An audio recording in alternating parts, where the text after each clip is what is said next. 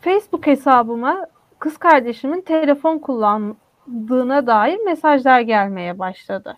Kız kardeşimden telefonunu istedim. Sürekli inkar etmesi nedeniyle sinirlendim. Vücudunun farklı yerlerine birçok kez tekme, tokat ve sopayla vurdum. Ne kadar kendisini döversem döveyim sonuç alamayacağımı anladım. Korkutmak için kendisine bir ucunu prize taktığım kablonun ucunu değdirerek 5-6 kez elektrik verdim. Ben bunları namusumu korumak için yaptım.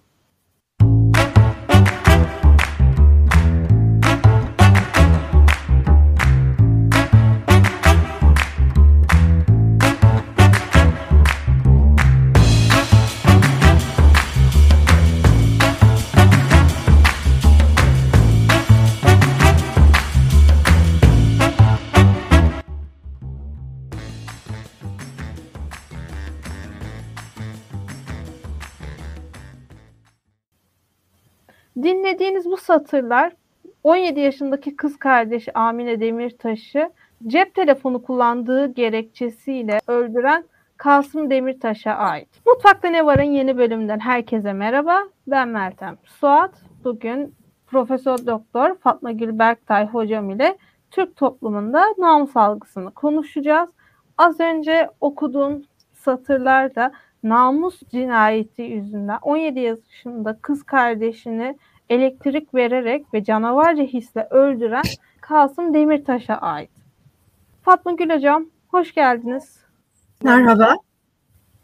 Fatma Gül Hocam, öncelikle şunu sorarak başlayayım. Namus nedir? Namusu nasıl tanımlayabiliriz? Nasıl Türk toplumunda nasıl bir namus algısı var? Peki, şimdi namus nomos'tan gelir eski Yunan'da. Kural, yasa demektir. Yasa koyuculara nomotet derlerdi. Ama hemen her şeyin olduğu gibi bu nomos, namus kavramının da elbette cinsiyeti var. Bir kere bundan binlerce yıldır kuralları, yasaları erkekler, muktedir erkekler koyuyor her yerde.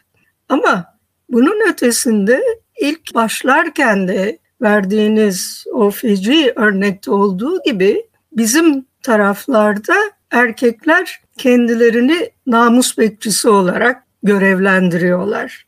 Bu neden diye düşündüğümüzde aslında hemen her toplumda vardır ama İslami toplumlarda daha belirgin olan kamusal özel alan ayrımı vardır. Bu ümmet ve aile biçiminde ayrılır. Ümmet kamusal gücün, iktidarın olduğu erkek alanıdır. Aile ise kadının ve cinselliğin alanıdır. Şimdi bu tür toplumlarda genel olarak katı bir şeref ve namus kavramı vardır.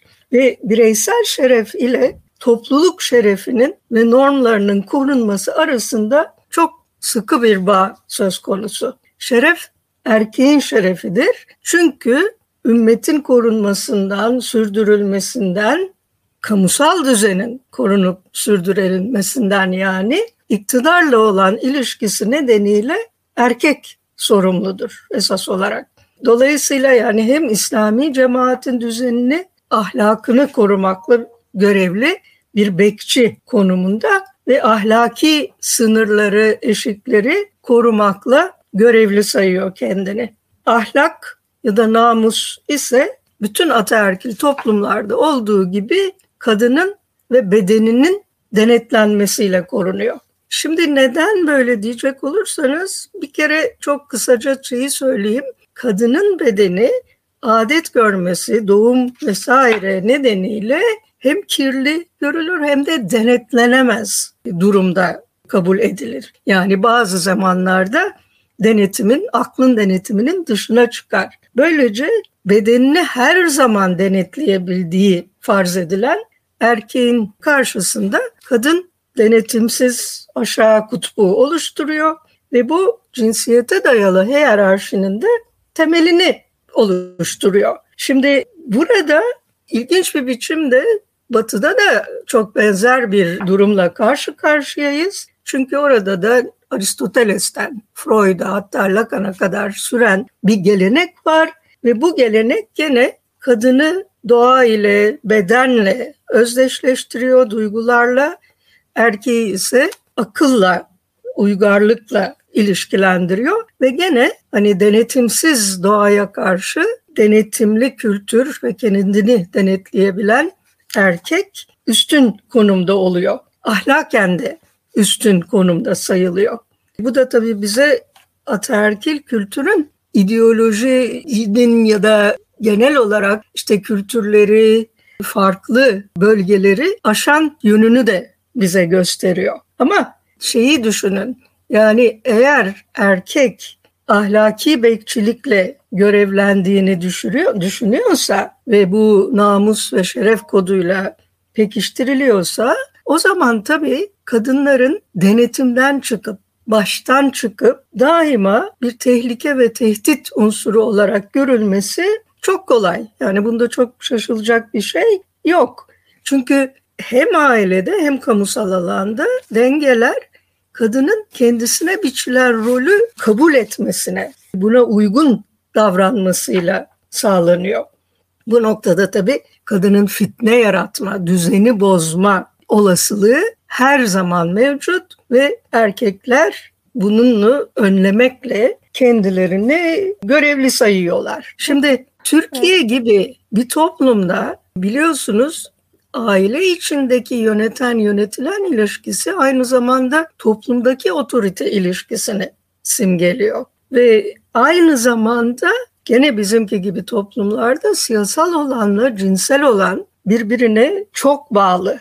Burada tabii şeyi de düşünmek lazım. Burada söz konusu olan tek tek erkekler değil, egemenlik ve gücü simgeleyen erkeklik kategorisi ama elbette bu kategoriyi üstlenen, bunun gereklerini yerine getirmeye çalışıp kendisini her şeyi yapmakta kadınlara karşı meşru gören erkekler var. Namus cinayeti dediğimiz olgunun da sorumlusu maalesef onlar.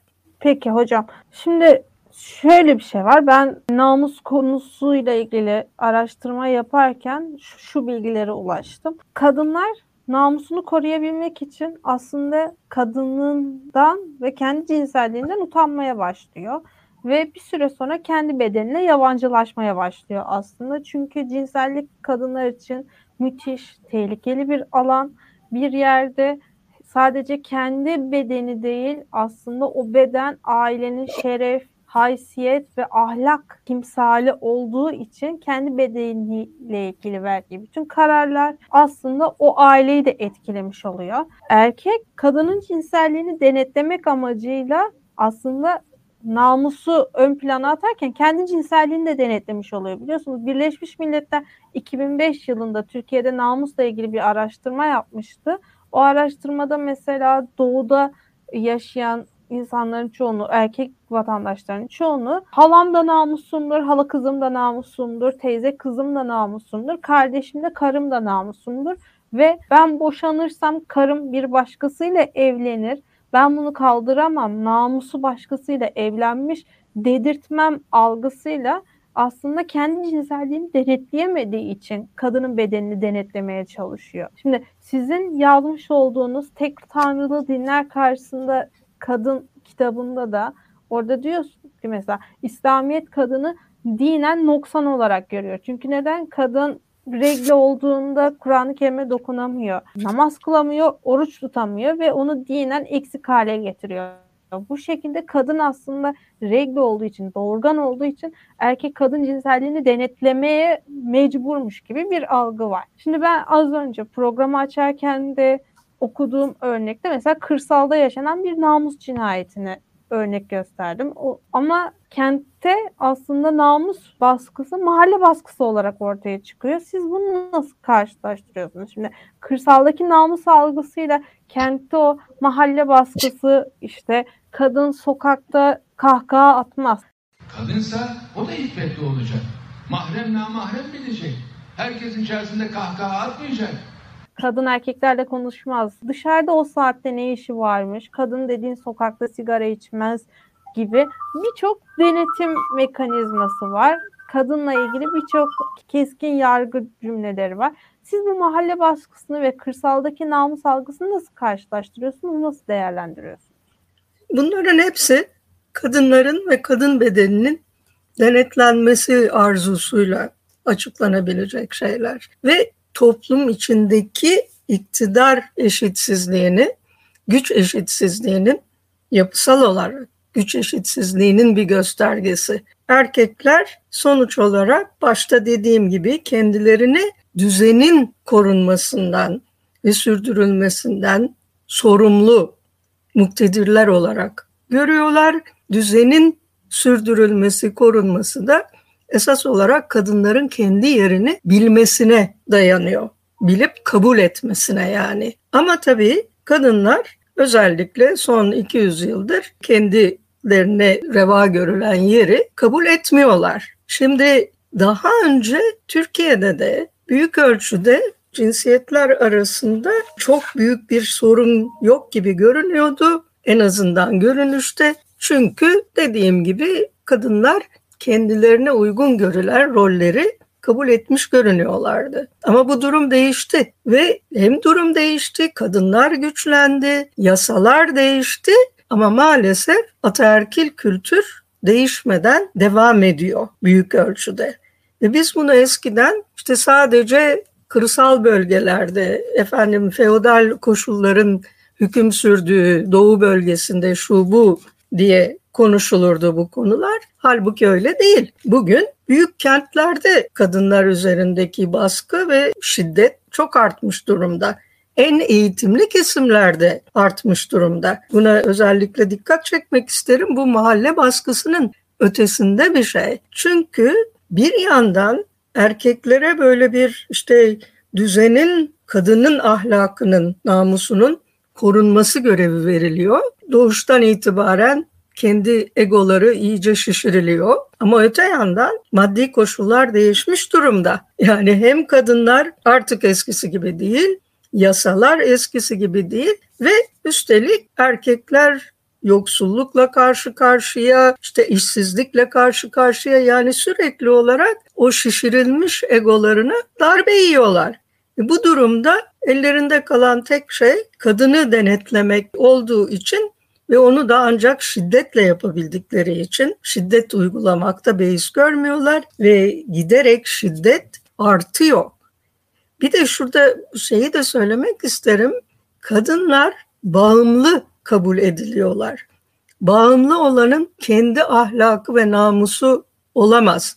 Ancak gerçekten özerk insan varlığı kendi ahlakına sahiptir. Ama kadını siz bağımlı görürseniz, başkasına emanet edilen varlıklar olarak görürseniz o zaman onu denetlemekte kendinize sınır tanımazsınız. Ayrıca tabii şey noktası da var. Kadın cinselliği çok tehlikeli ve çok güçlü görülüyor. Bunu da erkeği baştan çıkarma yetisi çok güçlü olarak görülüyor. E sonuç olarak sizin de dediğiniz gibi erkekler kendi denetimsizliklerini yani kendi cinselliklerini, kendi duygularını, feveranlarını denetleyememenin suçunu kadına atıyorlar. Çünkü hiyerarşinin alt tarafında kalan o.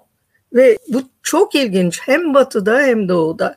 Yani hem Hristiyan kültüründe hem İslami kültürde de var olan bir şeydir. Yani erkeğin cinselliğini denetleyememesinin suçunu kadının üzerine atarlar. Hatta Aziz Augustinus erkeğin organı erkeğe ait değildir, kadına aittir. Çünkü onu baştan çıkaran kadındır diye inanılmaz absürt laflar da etmiştir. Ama bu her zaman var olan yani çok yakın zamanda benim okuduğum bizim cenahtaki bir yazarda da ben bunu gördüm. Şöyle diyor bir İslamcı yazar. Bütün fitneler bir yana, kadın fitnesi bir yana. Neden öyle? Çünkü kadın fitnesi öyle bir fitnedir ki o kendini sadece teşhir eder. Sana fiilen ısrarda bulunmaz. Onun ısrarı zorlaması senin içindeki duygularını isyana sevk etmekle, tahrikle olur seni nefsinle, şeytanınla baş başa bırakır.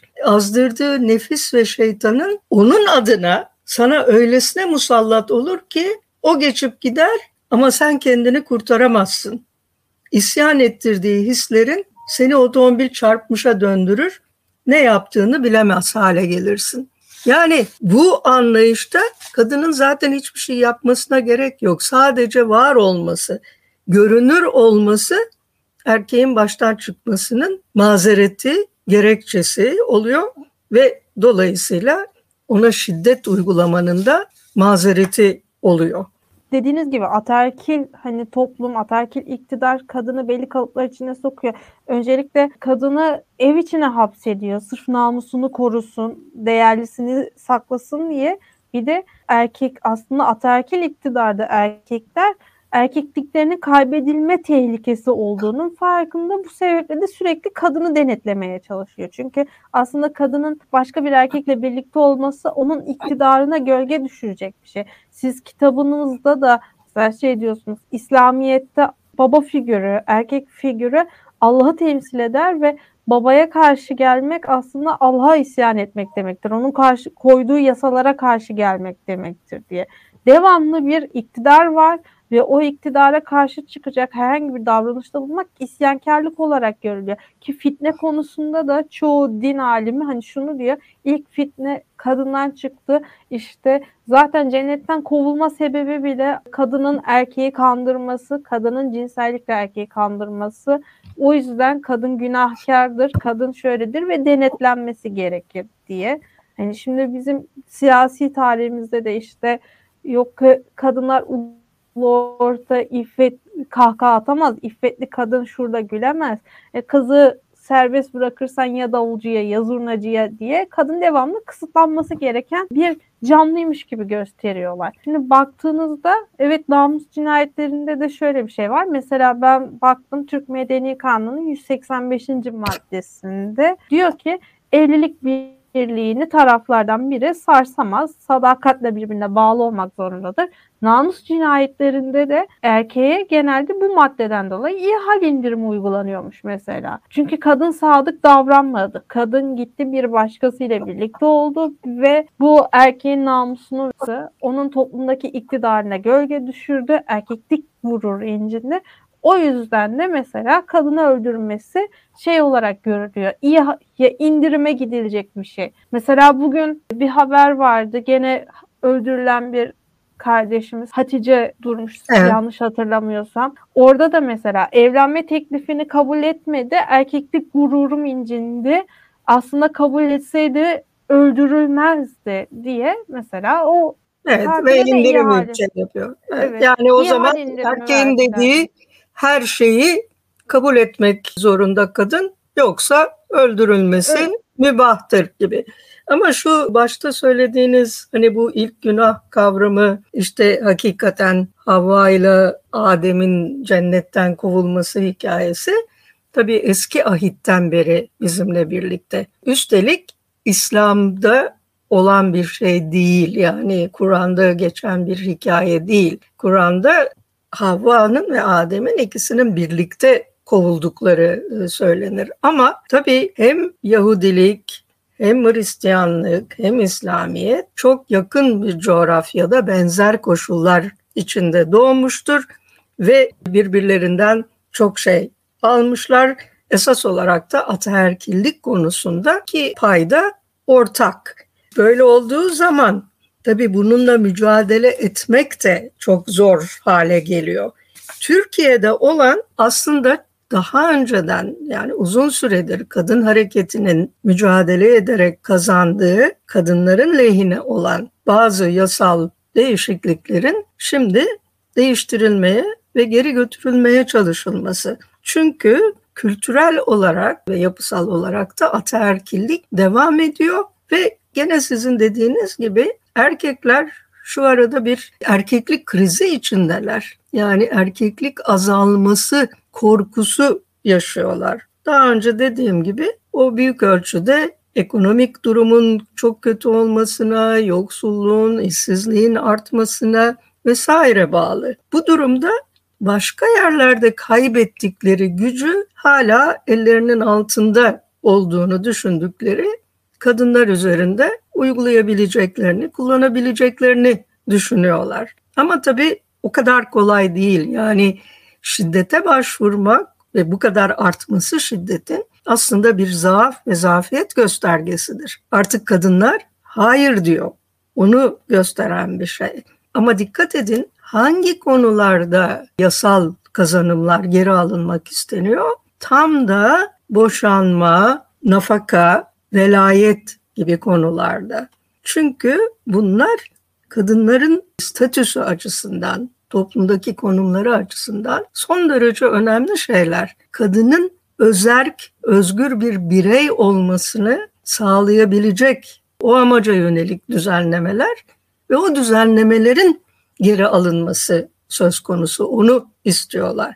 Ama bütün toplum mu istiyor? Hayır. Bütün erkekler mi istiyor? Hayır. Ama bütün erkekler şeyin farkında değiller. Bunun sadece kadınların sorunu olmadığının farkında değiller.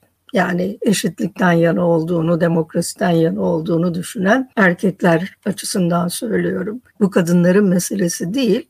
Bu bütün toplumun uygarlaşma ve demokratikleşme meselesi şiddetten arınma meselesi. Bunu görmeleri gerekir. Nafaka düzenlemesi geçici olarak raftan kaldırıldı ya da rafa kaldırıldı. Ama hani yeniden hemen ne zaman önümüze gelir bilinmez. Çünkü böyle ben şeyler. Ben de ona değinecektim hocam. Evet nafaka hep önümüze her an gelir. Demek istediğim bu konuda çok uyanık olmak, davranmak zorundayız. Çünkü bunlar hakikaten mülkiyet meselesiyle de çok yakından bağlantılı ve ataerkil sistemde erkek kadının sahibi olduğunu düşünüyor. Yani kadın kendi başına özerk bir birey değil, başka birisinin mülkü olarak kabul edildiği zaman siz tabii onu yok etme hakkına da sahip oluyorsunuz. Böyle bir ilinti var. Yani bu kadar bilinçli olarak düşünmeseler bile aslında ben onun sahibiyim diye görüyor. Dolayısıyla benden nasıl boşanır diye düşünüyor. Ya da boşanmış olduğu halde başka birisiyle evlenmek isterse, ilişki kurmak isterse vay benim namusum elden gitti diyor. Ne ilgisi var? Kadının namusu her insan bireyinin olduğu gibi kadının kendisiyle ilişkili bir şeydir.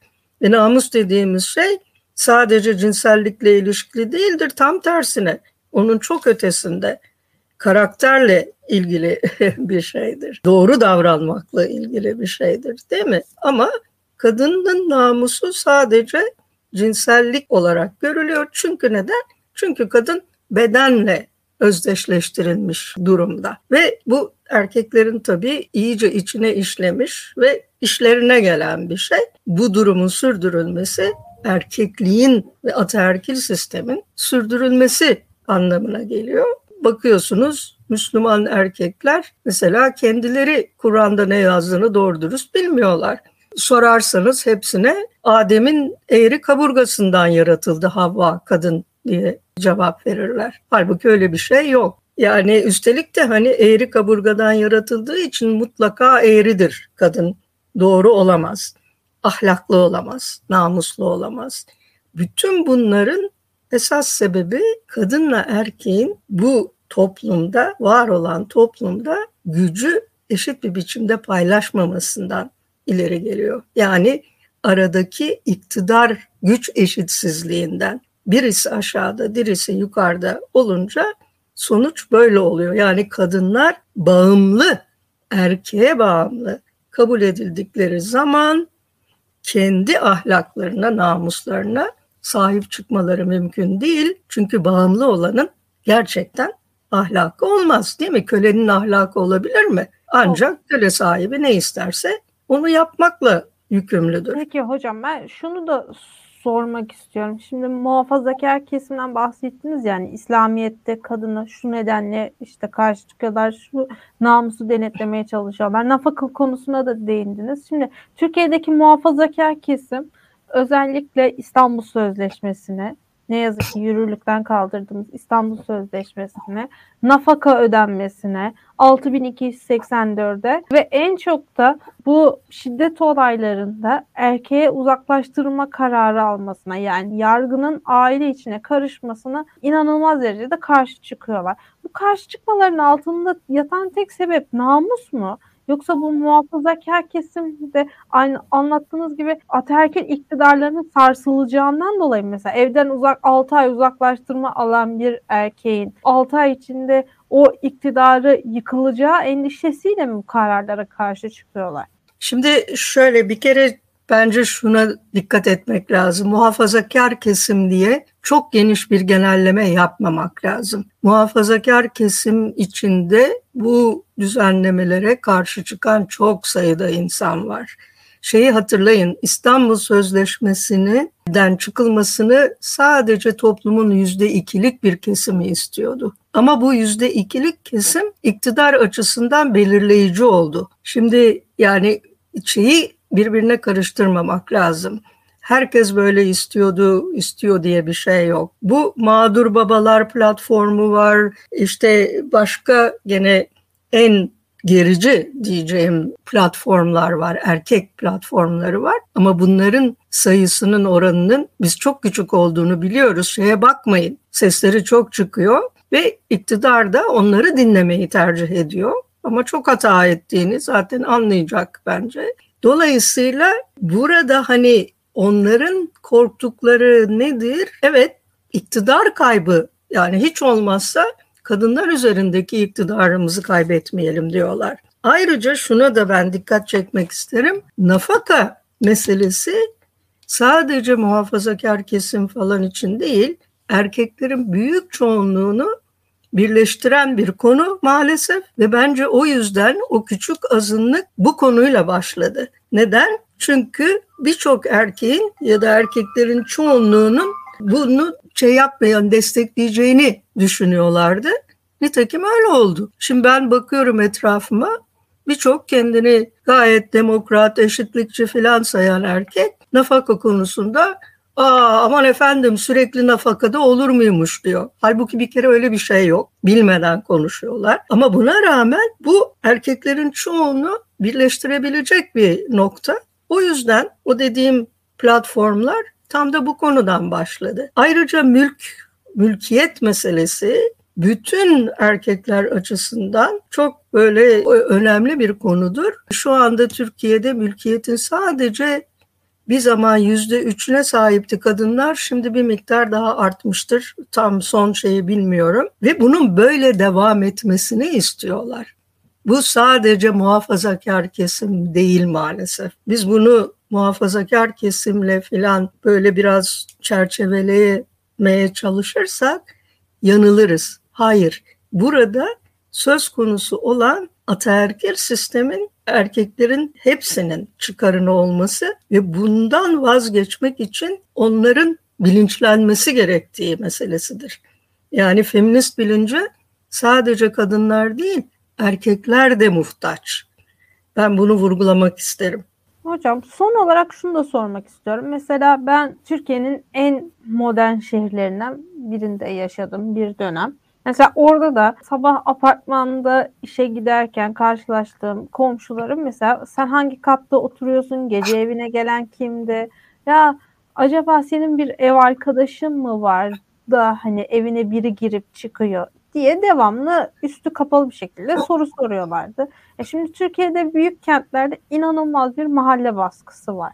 Yani bu her mahallede yok. Evet belli bir eğitim düzeyinin üstünde olan mahallelerde yani çok görülen bir şey değil.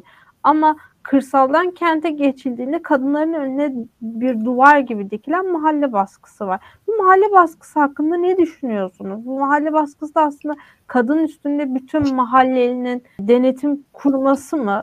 E bu gene ataerkil kültürün varlığıyla ve varlığını maalesef kadınlar üzerinde korumasıyla da ilişkili bir şey. Dikkat edin sadece mahalle baskısını uygulayanlar erkekler değildir. Çünkü ataerkil normları kadınlar da içselleştirmişlerdir ve büyük ölçüde onu devam ettirirler. Bunu da hani görmek lazım. Ama kültür ve ideoloji dediğimiz şey o kadar çabuk değişmiyor. İşte siz de e, söylediniz İzmir hesapta Türkiye'nin en batılılaşmış kenti ama bu orada da vardır aynı şeyler. Bunlar hep hemencecik su yüzüne çıkar. Osmanlı'da mesela mahalle zaten düzenin korunmasından özellikle de gene düzenin korunması kadınların denetimiyle ilgili dedik ya kadınların denetlenmesinden genç erkeklerin de denetlenmesinden sorumludur. O yüzden Şerif Mardin zaten mahalle baskısı terimini geçmişten günümüze gelen bir terim olarak hani kullanır haklı olarak. Ama bu aslında ne demek? Bu demek ki ataerkil normlar, ataerkil namus ahlak kodları çok büyük ölçüde varlığını koruyor ve gene bunların ortadan kalkması esas olarak yapısal eşitsizliğin ortadan kalkmasına bağlıdır.